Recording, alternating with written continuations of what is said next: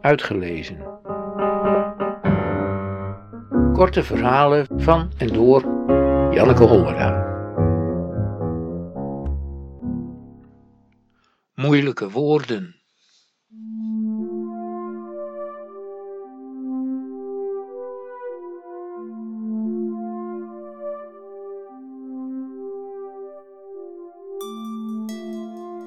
Het woord stond in een verhaal van Ward Ruislink. Ik zat in HBS 2 en las argeloos voor tot ik op wit H-O-O-F-D-E-K-E-N stuitte. Mijn hersenen gingen meteen aan de slag om er iets van te maken.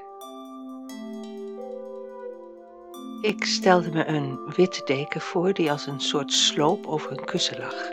Dus ik las wit hoofddeken. In het verhaal rustte het wit hoofddeken op een kussen, dus dat leek me, hoewel niet helemaal logisch, toch het meest waarschijnlijk. En dat er een D ontbrak, er stond niet hoofddeken, maar hoofdeken, zou een vergissing van de schrijver kunnen zijn. Ik kende die Wart tenslotte niet zo goed. Hij had, om het helemaal goed te doen, moeten schrijven dat de witte hoofddeken op een kussen rustte.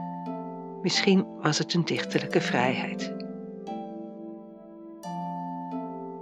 Mijn leraar Nederlands, meneer Jansen, een vriendelijke man met een vlinderstrik, zei dat ik het woord opnieuw moest lezen, omdat ik niet las wat er stond. Ik las opnieuw hoofddeken. Toen probeerde ik hoofdeken. Misschien had de schrijver bedoeld iets of iemand te vergelijken met het eken van een eik, een hoofd van een schors ontdoen. Het leek me gruwelijk, maar er was toch ook zoiets als een hersenschors en als zo'n operatie zou plaatsvinden, dan zou er wel een kussen nodig zijn. Nee, schudde mijn leraar, kijk nou eens goed wat er staat. Ik was inmiddels al behoorlijk in paniek en de rest van de klas zat zacht te lachen.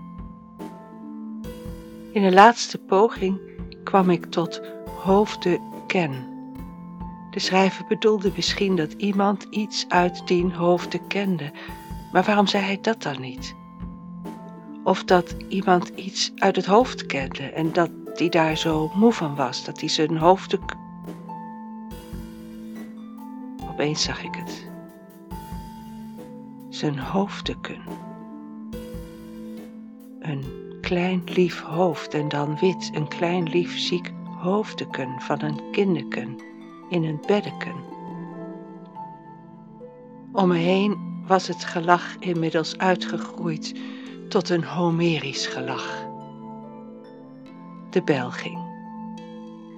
Ik liet nog lang na de Nederlandse les mijn hoofdeken hangen.